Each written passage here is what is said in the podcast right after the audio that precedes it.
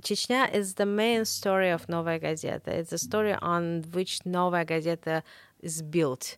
And I was not the first one who was started this story. The Muratov and uh, people who created Novaya Gazeta started it when the Chechen War, the first Chechen War, actually started in Russia. Muratov himself, he is so he is afraid because he he, he lived through so many deaths of of his colleagues, his journalists. So he just hates the thought that that might happen to another one journalist of Novaya Gazeta. But he is totally supportive. Without this tradition, I wouldn't be able to do what I do now in Chechnya. And without this newspaper, I mean, only because I have this place and I'm completely safe. Any threat, uh, Muratov steps ahead and protect.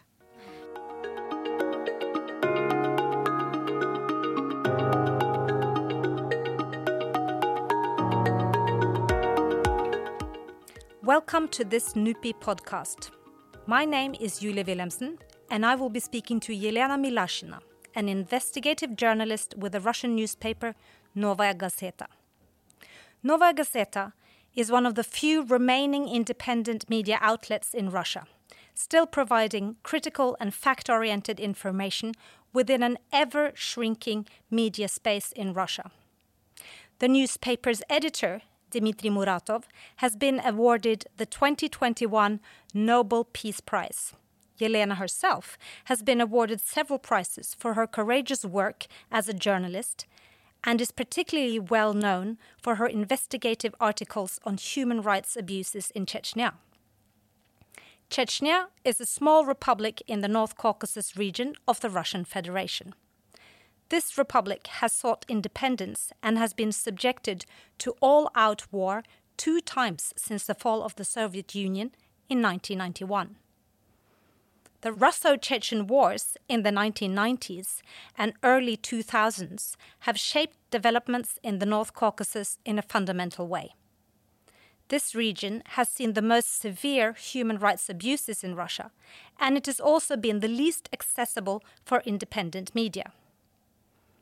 When the second war in Chechnya, officially called an anti terrorist campaign, was launched in 1999, Vladimir Putin stated that the enemy must not be given a face. This was the starting point for severe restrictions on media coverage of what became a very brutal war. Novaya Gazeta's journalist Anna Politkovskaya was one of the few people who dared to travel to Chechnya and report on the abuses committed both by Russian and Chechen forces. After the end of the military campaign, power has passed over to Moscow's two middlemen, Ahmad and then Ramzan Kadyrov. They have ruled Chechnya with an iron fist since then. Today, the republic has transitioned into a closed state, characterized by human rights violations cultivation of Kadyrov and his closest network, a strong conservative religious ideology which does not give room for any alternative interpretations of Islam, and a corrupted government. In this climate of fear, it has become increasingly difficult, almost impossible, to gain access to the Republic to collect objective information. This also means that such information does not reach the, the regional population nor the national or international audience. Independent journalists and human rights activists are persecuted, exiled, and directly threatened by the regime. Only the bravest journalists still venture into Chechnya to report and give the alleged enemies a face. Yelena Milashina is one of them. She has uncovered ongoing and grave human rights violations in the Republic and strives to give the world a truthful account of today's Chechnya. She has been threatened numerous times and even subjected to physical attacks for her work. In this podcast, we discuss with Yelena Milashina what it takes to cover regions of conflict and heavy human rights abuses.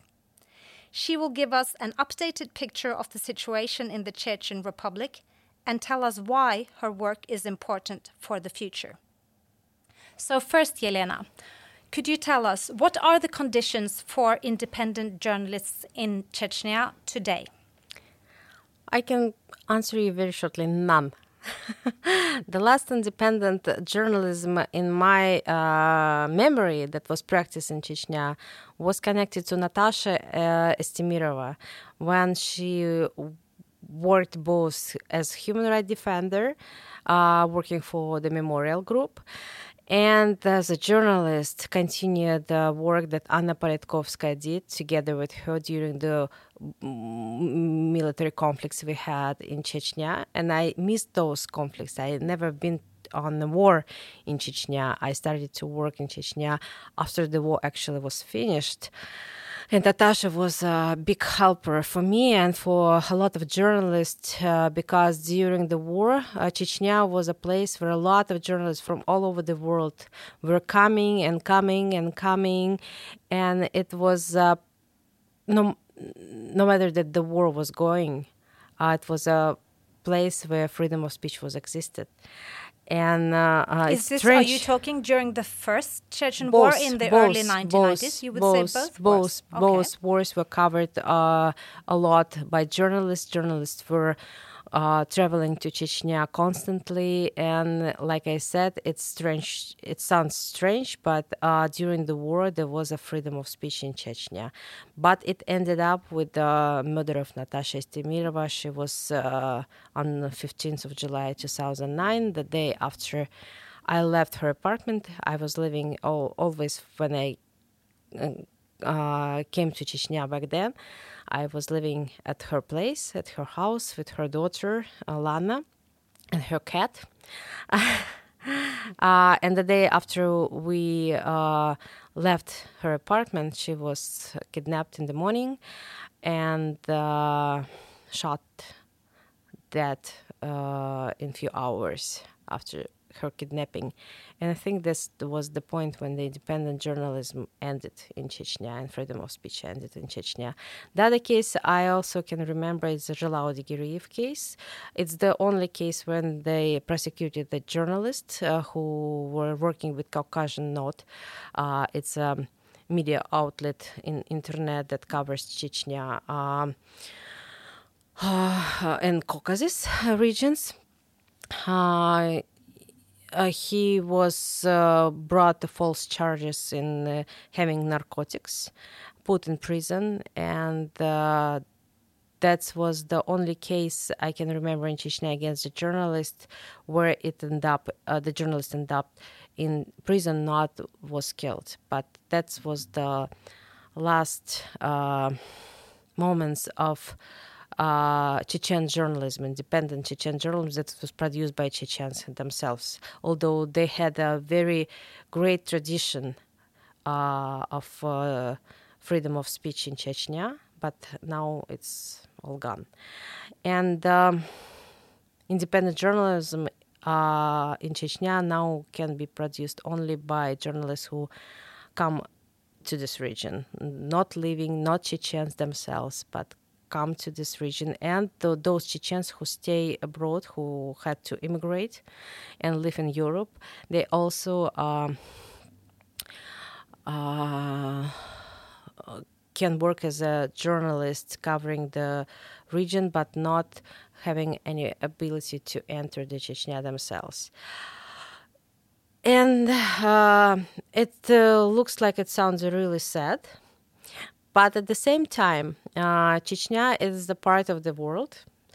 Uh, it has internet, and uh, a lot of Chechens still trying to um, speak uh, anonymously because they can name themselves uh, and internet is a very great helper in these uh, forms of um, spreading the information. So we, on the, the, the, the authorities, the Chechen authorities, first of all, and Russian authorities.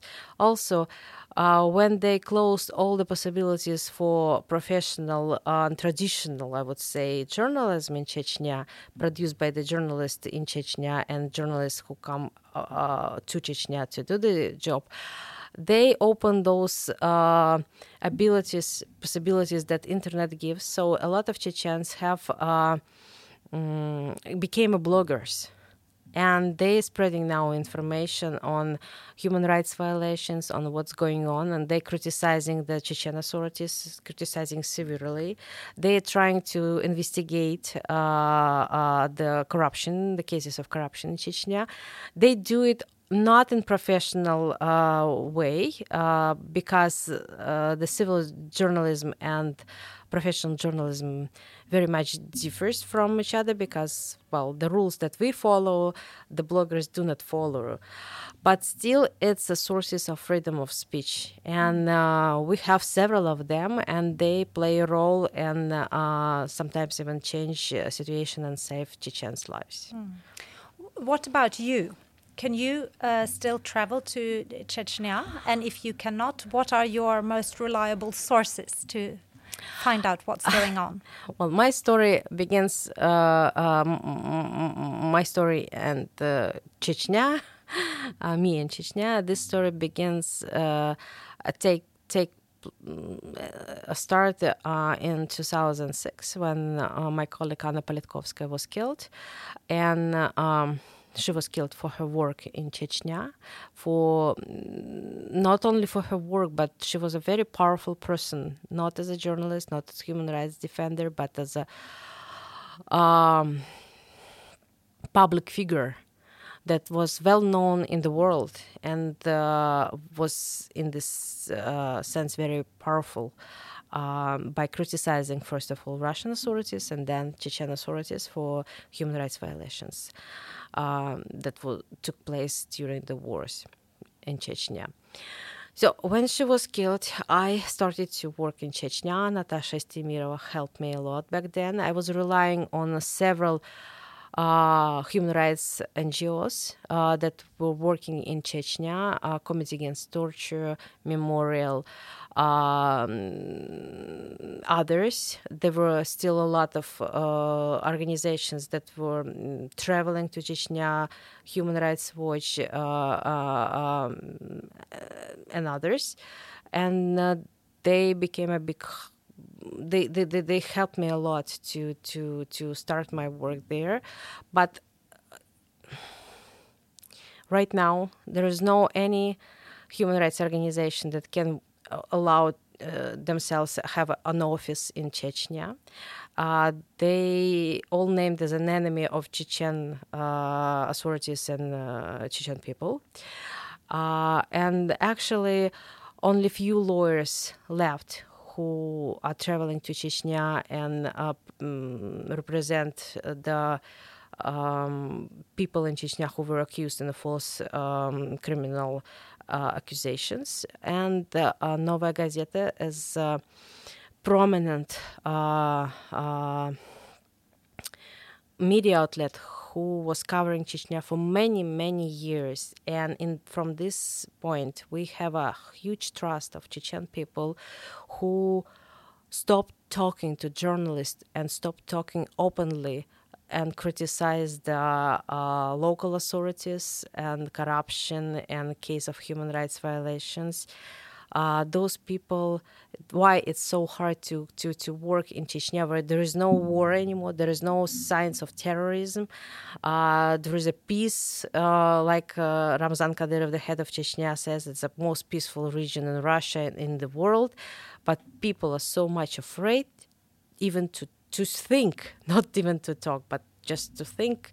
Uh, and uh, they they live on a constant fear of being kidnapped, tortured, uh, killed. Uh, and uh, in this situation, why it's so hard to work there because they won't talk to journalists anymore, and we probably one of few media that have this trust that we never uh, the the the safeness of our sources is the main thing for us and we can put away the story if it's dangerous for our sources And in this situation, people know this and they trust us, and that's why I have a big network of sources. Uh, the biggest probably in, in, from other Russian outlets. That's why I can uh, publish a lot of sensitive stories. But uh, what I'm very proud of that for my work, and I worked since 2006 2007 in Chechnya, none of my sources was uh, under attack mm. and discovered. And I think it's. Um, what the journalist can be proud of, mm. really. Because Absolutely. And I wanted to ask you, you, you kind of touched upon it already, but what would you say is your uh, philosophy as a as a journalist when you approach such an such a region?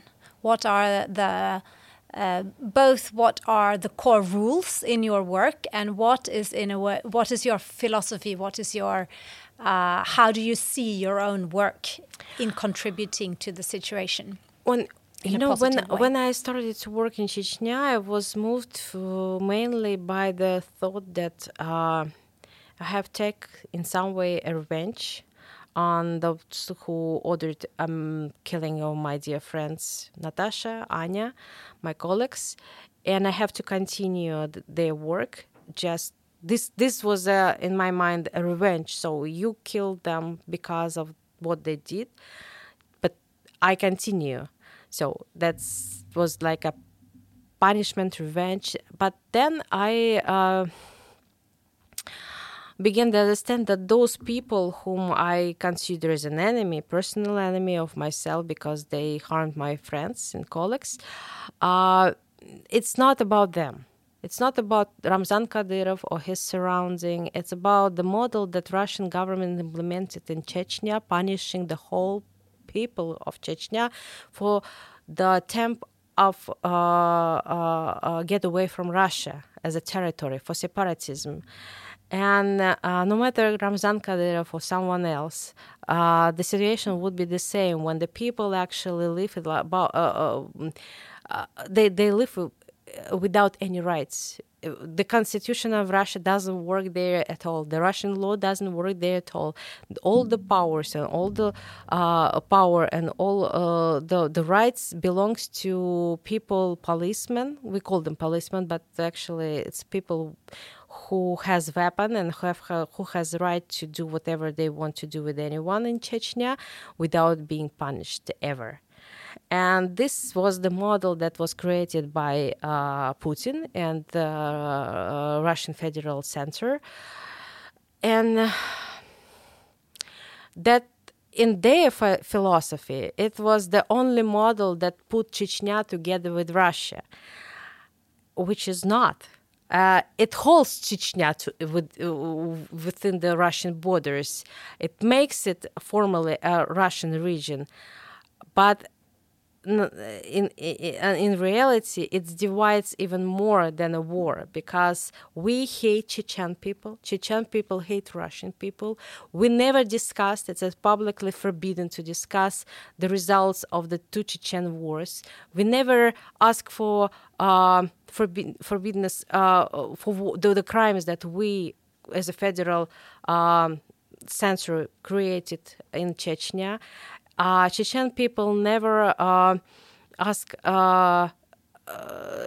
to forgive themselves for uh, the the kidnappings and killings of Russian soldiers and Russian citizens, and uh, so for the crimes that were committed by both sides. We never talk about it, and uh, this is very.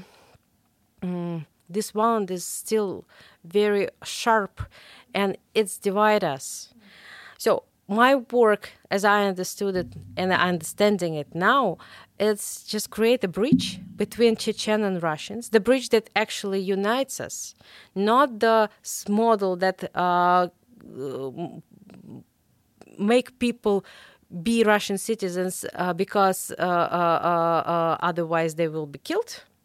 But say that Chechens the same citizens as Russian, They have the same rights, and in my all my articles, I am saying that all those rights should be protected because they were violated, and they should be protected by the Russian government, Russian courts, uh, uh, because this how the, the the dialogue creates, and so when uh, it will come to the end of Putin's uh, era, we will have again this problem with Caucasus and Chechnya, and that the uh, Russian mm, empire that actually we treated Chechnya and other regions as a colony, uh, and what I do is when we come to this moment, we need people and we need some arguments to talk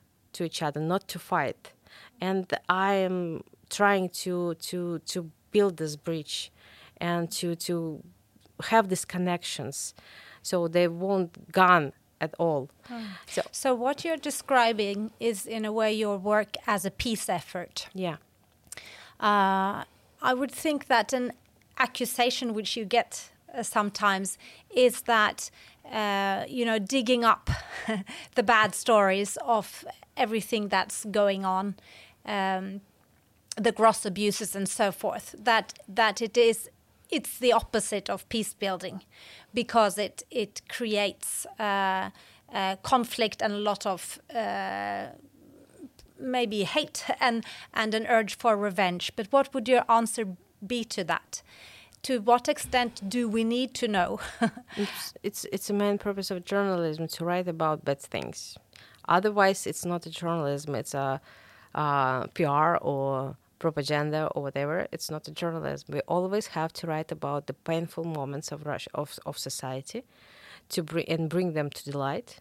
Uh, and nobody but we can do this.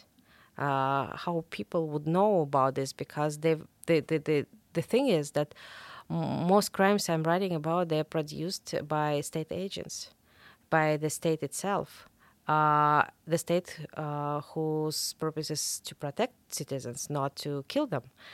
Uh, but when the state actually do the opposite, who else can bring it to the light? Uh, and only publicity can save uh, save Chechens, the lives concrete of concrete people, and can change the situation.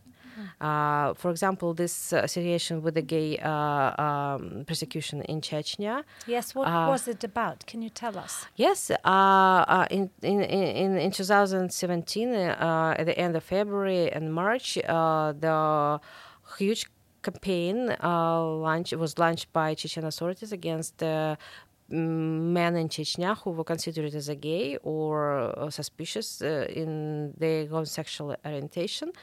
They were put in the um, secret prisons in Chechnya, which exists and were created by Russian federal troops since the Chechen wars, and still are exist in enormous uh, uh, numbers of number of them exist in Chechnya, where a lot of Chechens actually, even now we are talking right now, they they sit there for anything like uh, drug using or driving in a alcoholical uh, condition or criticizing Kadyrov or um, being a Salafi or um, doing something wrong that Kadyrov thinks uh, and his surrounding things wrong that is wrong and um, so just they, they, the, the gays were brought to the Chechen gays or Chechen men who were suspected that they're gays were brought to those secret camps. Uh, they were tortured severely, even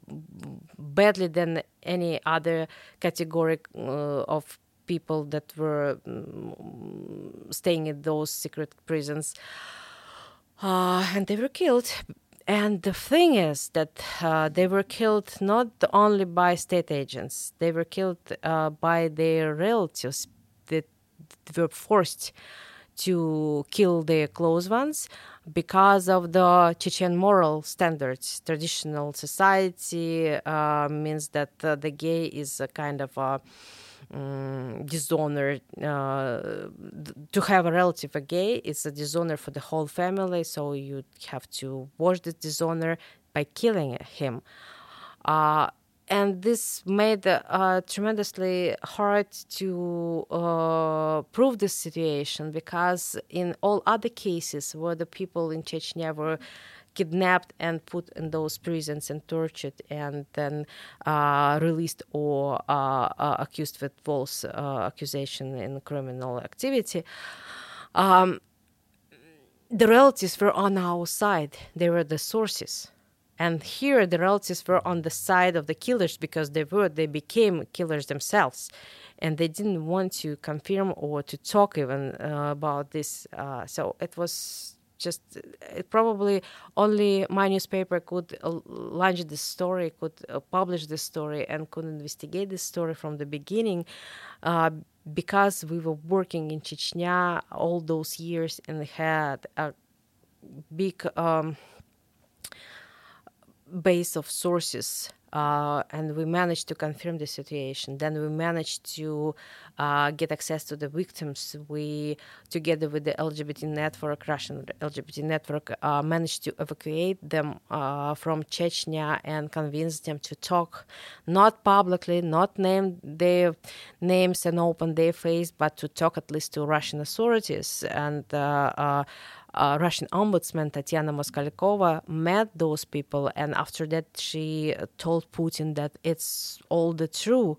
And Putin then told it to my editor in chief that it's uh, uh, the situation was existed and he knew about it. But like he said, well, you know, it's their traditions to kill people for dishonor behavior. What you can do?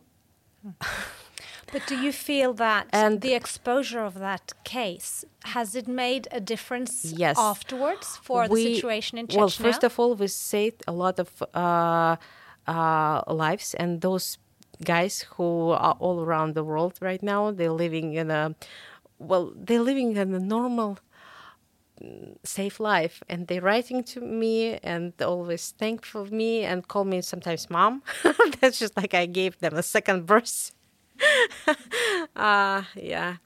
So first of all, we save concrete people, and uh, just uh, um, it's big already, but we managed to stop the campaign. It, uh, the, the the people who were kidnapped and were holding in this secret prison they were released back then, and now uh, it's not possible. Well, I hope it's not possible to start the campaign like this in Chechnya again because in some way the response from all over the world that we got uh, on uh, uh, on the situation uh, hit Chechen authorities and Russian authorities very painful way.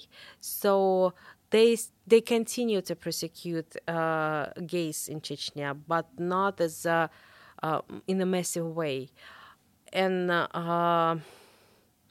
I think it's not uh, oh, an achievement. It's not that we stopped and put the people who did all those crimes uh, and brought in we didn't brought them to the justice now we don't have a, even a criminal case that were open although we have uh, uh, finally uh, both chechen and russian uh, gays who got under this campaign and became victims.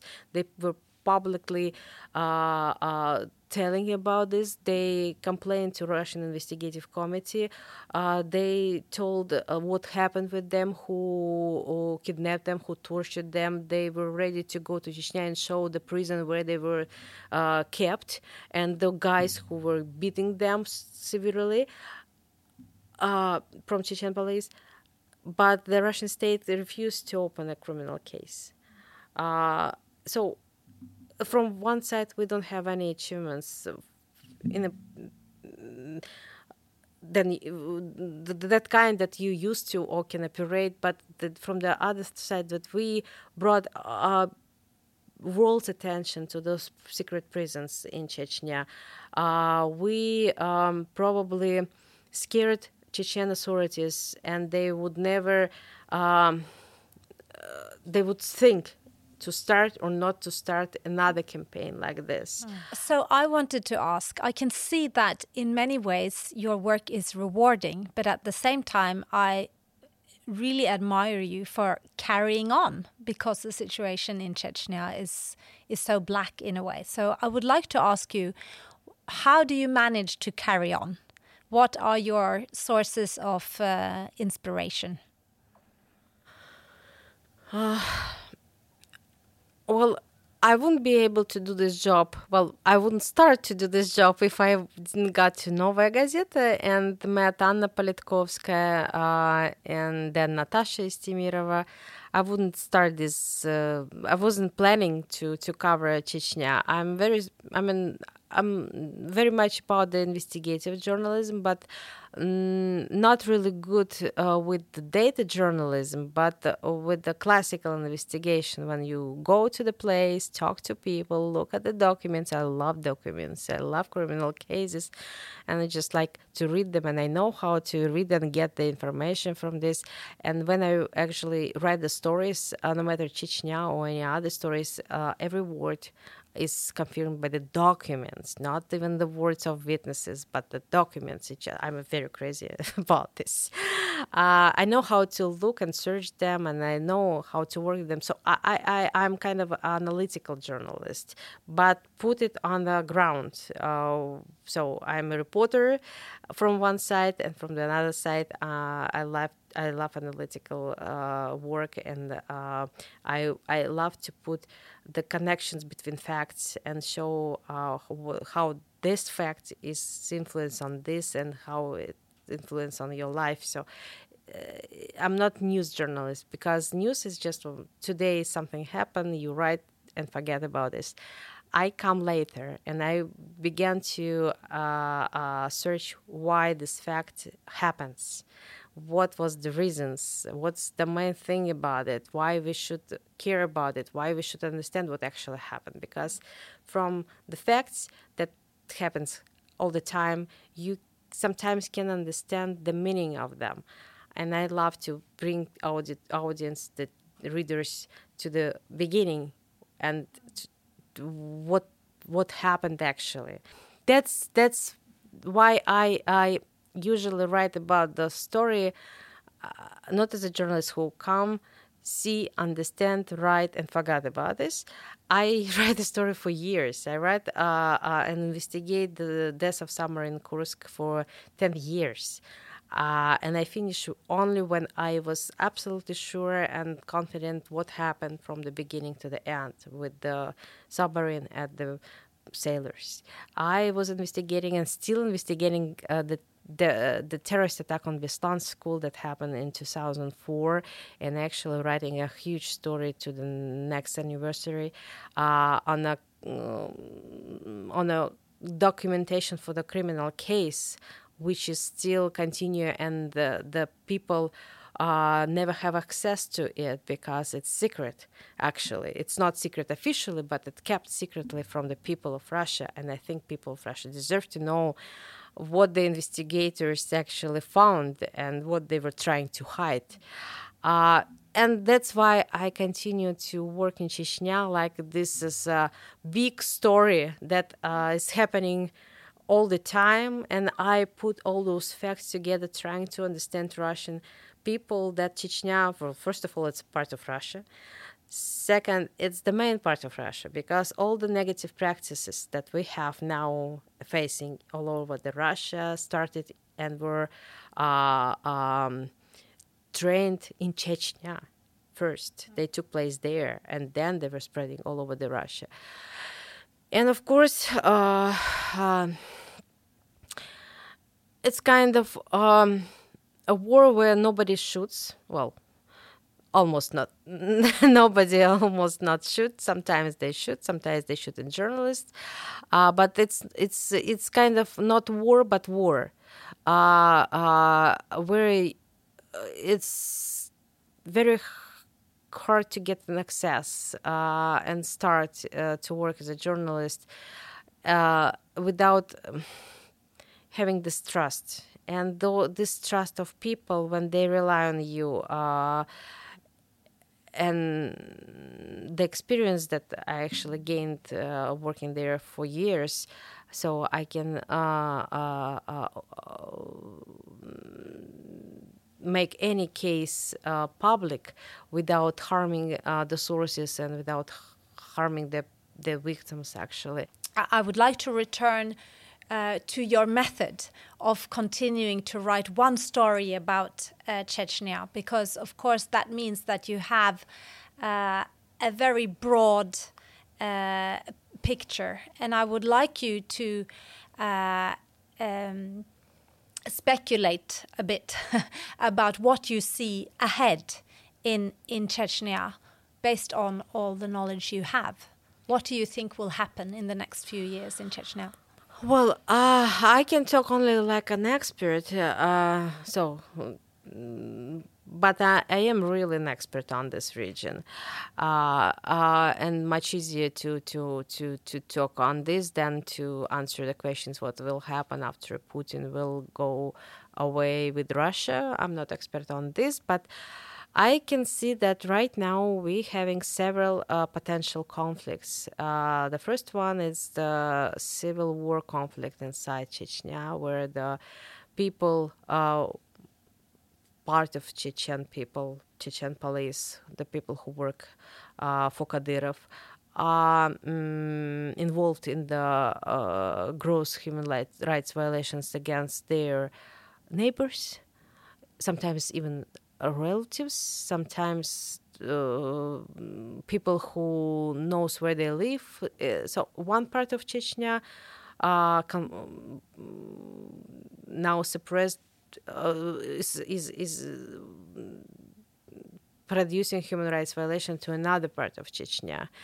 And this part, who is now victims of this, they will remember everything because it's traditional society and uh, blood revenge is their tradition.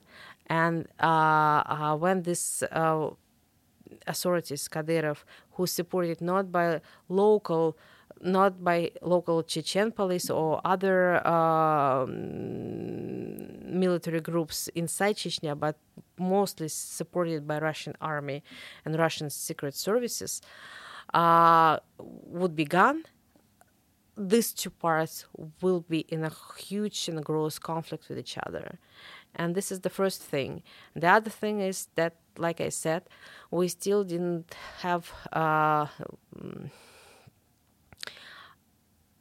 uh, a conversation about the results of Chechen wars, about the crimes that we were committed there on both sides, uh, the results of this war, the lessons of this war, uh, wars, uh, and between Chechens and Russians there is a wall, and this is a potential conflict. But the, this conflict will, where Chechnya uh, uh, might be a main player, but the other Caucasian regions will follow Chechnya. So it would be a, a, conflict between Caucasus and Russia. And we potentially might lose this territory because, in fact, uh, a lot of Russian people, not locals, moving away from this region. And uh, technically, uh, uh, uh it's not the territory where non-Chechens or non-Ingush or uh, non-Dagestani, non-Caucasian person can live comfortably. So it's uh, potentially very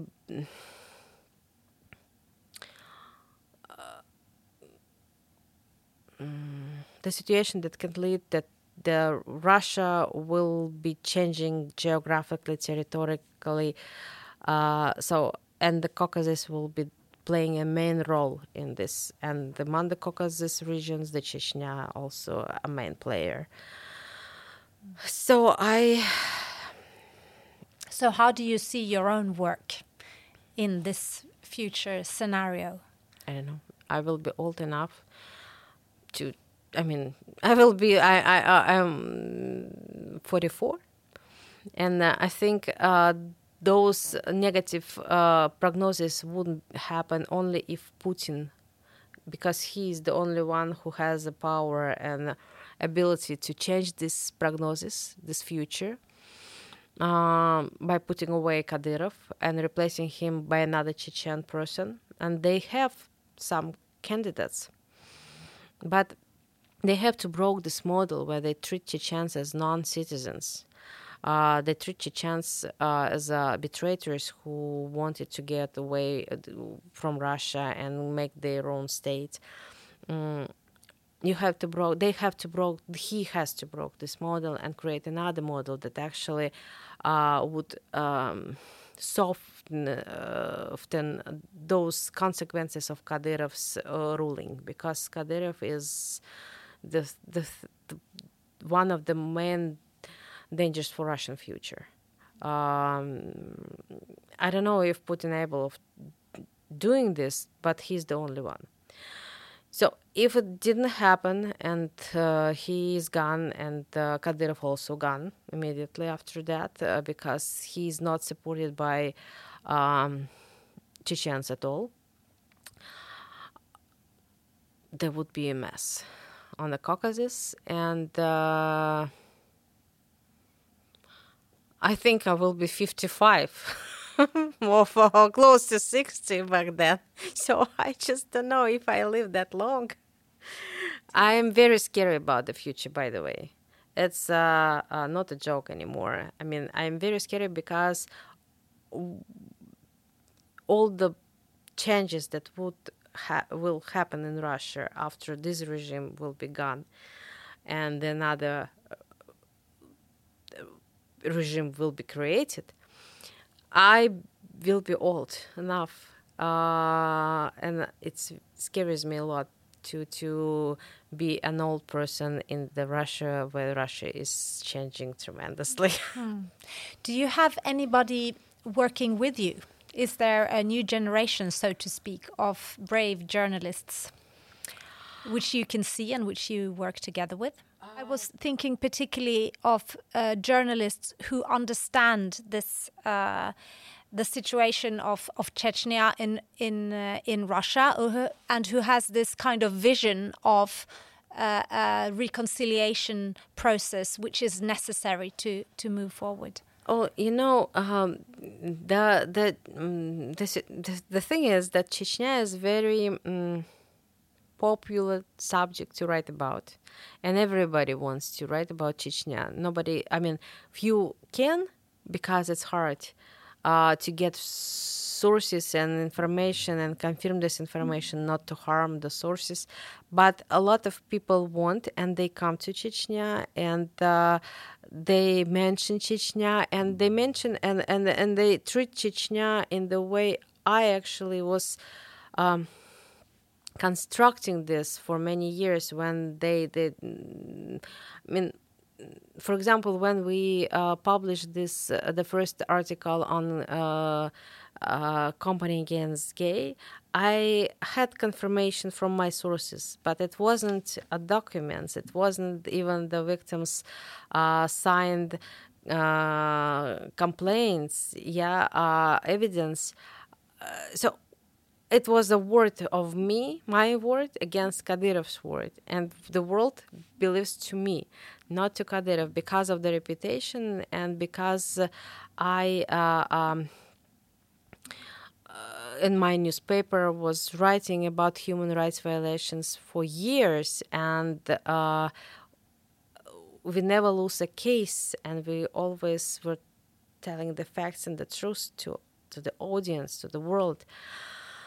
So uh, those people uh, take as a granted that Kadyrov is abuser and he is aggressive uh, Putin's man who put in charge of Chechnya to suppress the Chechen people. And this influence to to I mean this a lot of young and new journalists who comes to Chechnya and writing about Chechnya, mentioning Chechnya, their articles, they uh, stand on this.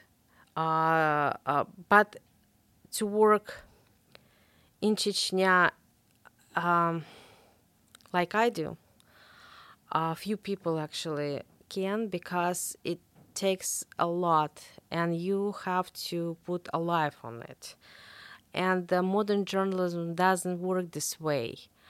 Uh, but uh, I'm very thankful to everyone who actually wants to do uh, something about Chechnya or in Chechnya because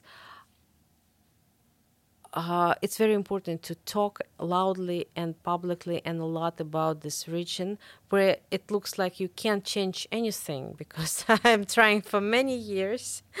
And Anna Politkovskaya tried, Natasha Estemirova, and Memorial, and Committee Against Torture, and who else not.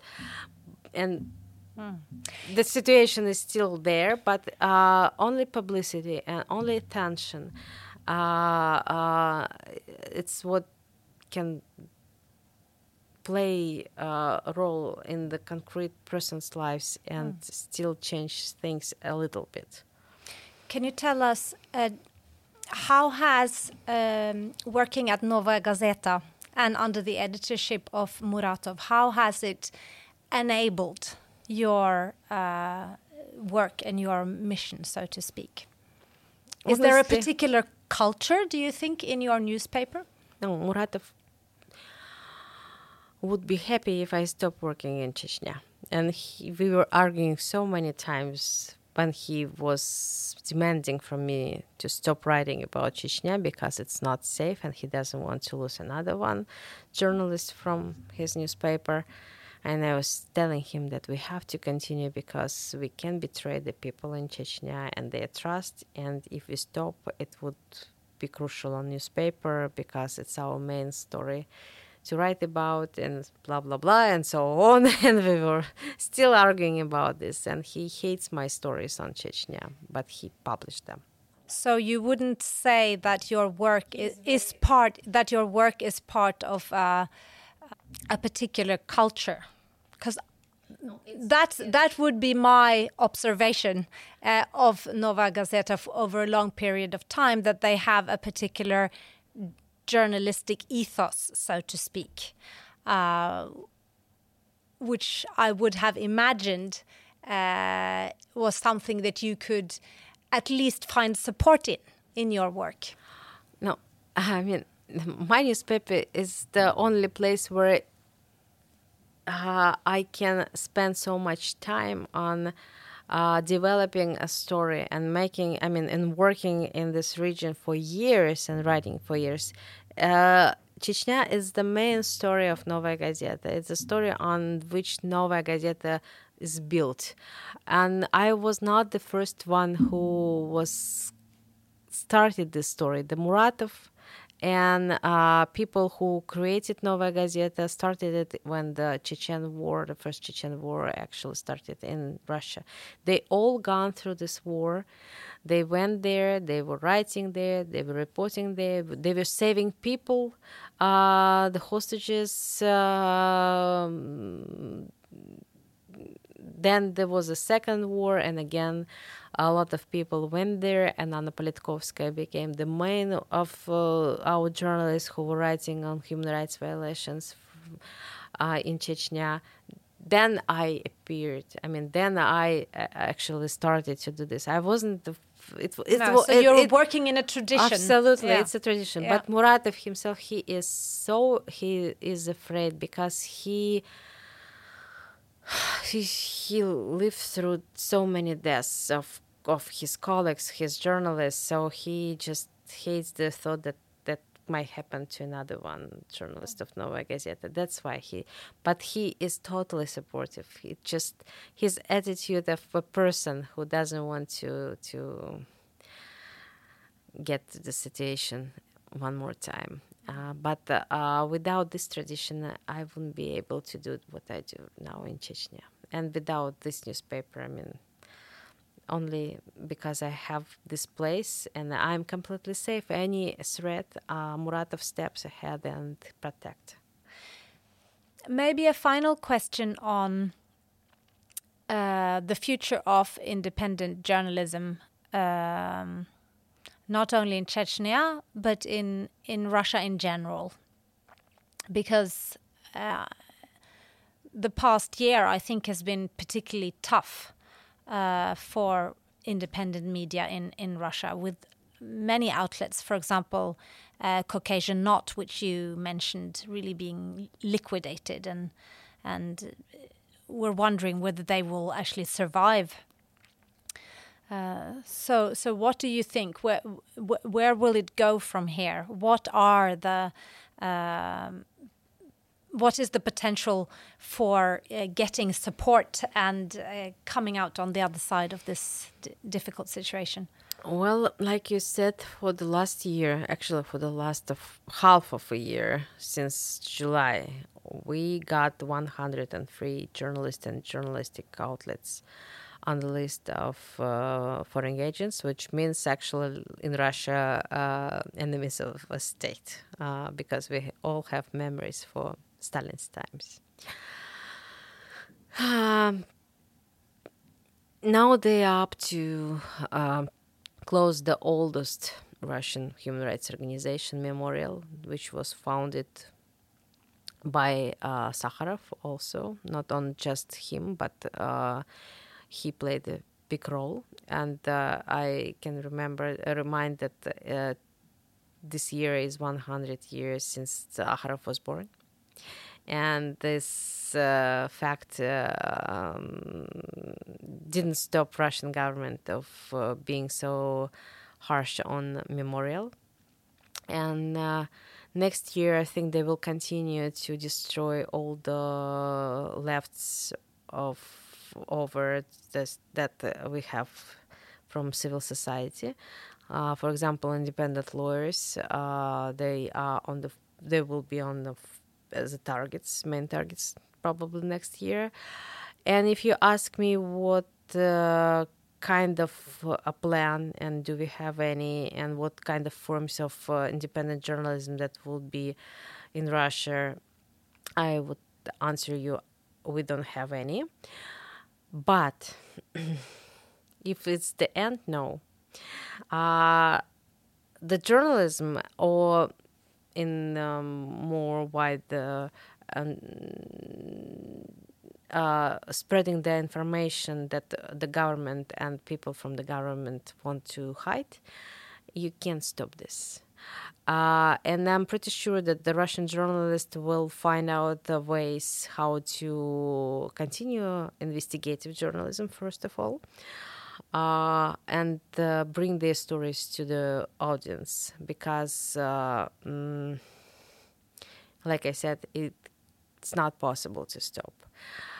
And uh, uh, Putin at power is for mm, more than 20 years already and he still um, he is a very light version of Stalin, but with the support of Russian society, part of Russian society, conservative old uh, people, uh, who he could practice more Stalin's practices in in Russia. He could be more like Stalin, but he didn't uh, use this chance. Uh, so I think it's the way how they're trying to put it down. It's a very tricky way and very harmful way because they use the law. They create unlawful laws in Russia and make criminals Russian citizens that did nothing criminal. And in the perspective, it's uh, it's a very dangerous thing for Russia as a state because what they do, they they they they, they just uh, killing the trust in state uh, among Russians. But still, I think uh, they're not ready to put millions in the camps. And from this uh, like um, we have in our history the the the, the worst parts of our um, history. It was like uh, Stalin camps that millions of people died. Putin is not able to repeat this and never will be. So it was the worst moments of our history. We now live in less less worst times and I think we just have to to think of other forms of how to to continue uh, the work. And if we not be able to do this, another young people will do because uh, the young generation is something that Putin doesn't uh, Putin or people of his generation doesn't know how to deal with and how to put pressure on.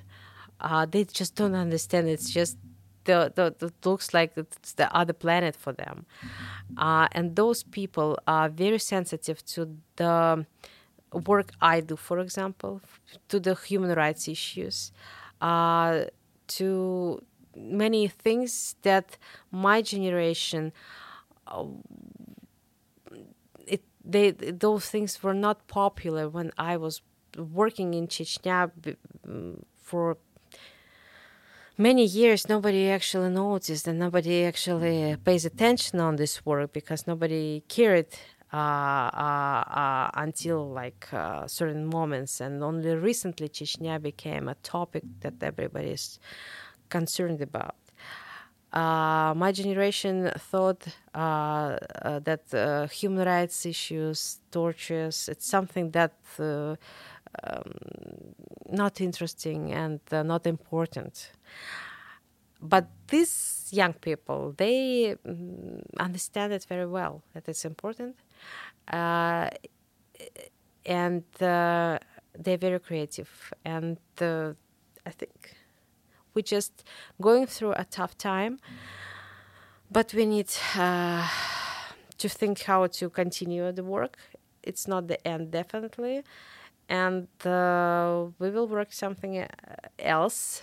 Then we will have again pressure uh, from the government. Then we will work something else, and this is the very uh, tough and uh, slow way to big changes uh, for the society in general. Because if to look at the beginning, all those uh, camps where millions of people died and to see the society today we in few years actually made a tremendous way and changed a lot so the, the our main task is just to make everything that the comeback to those hard times and scary times would not be possible at all and i think my generation, the generation of my editor in chief, Muratov, who is receiving the Nobel Prize,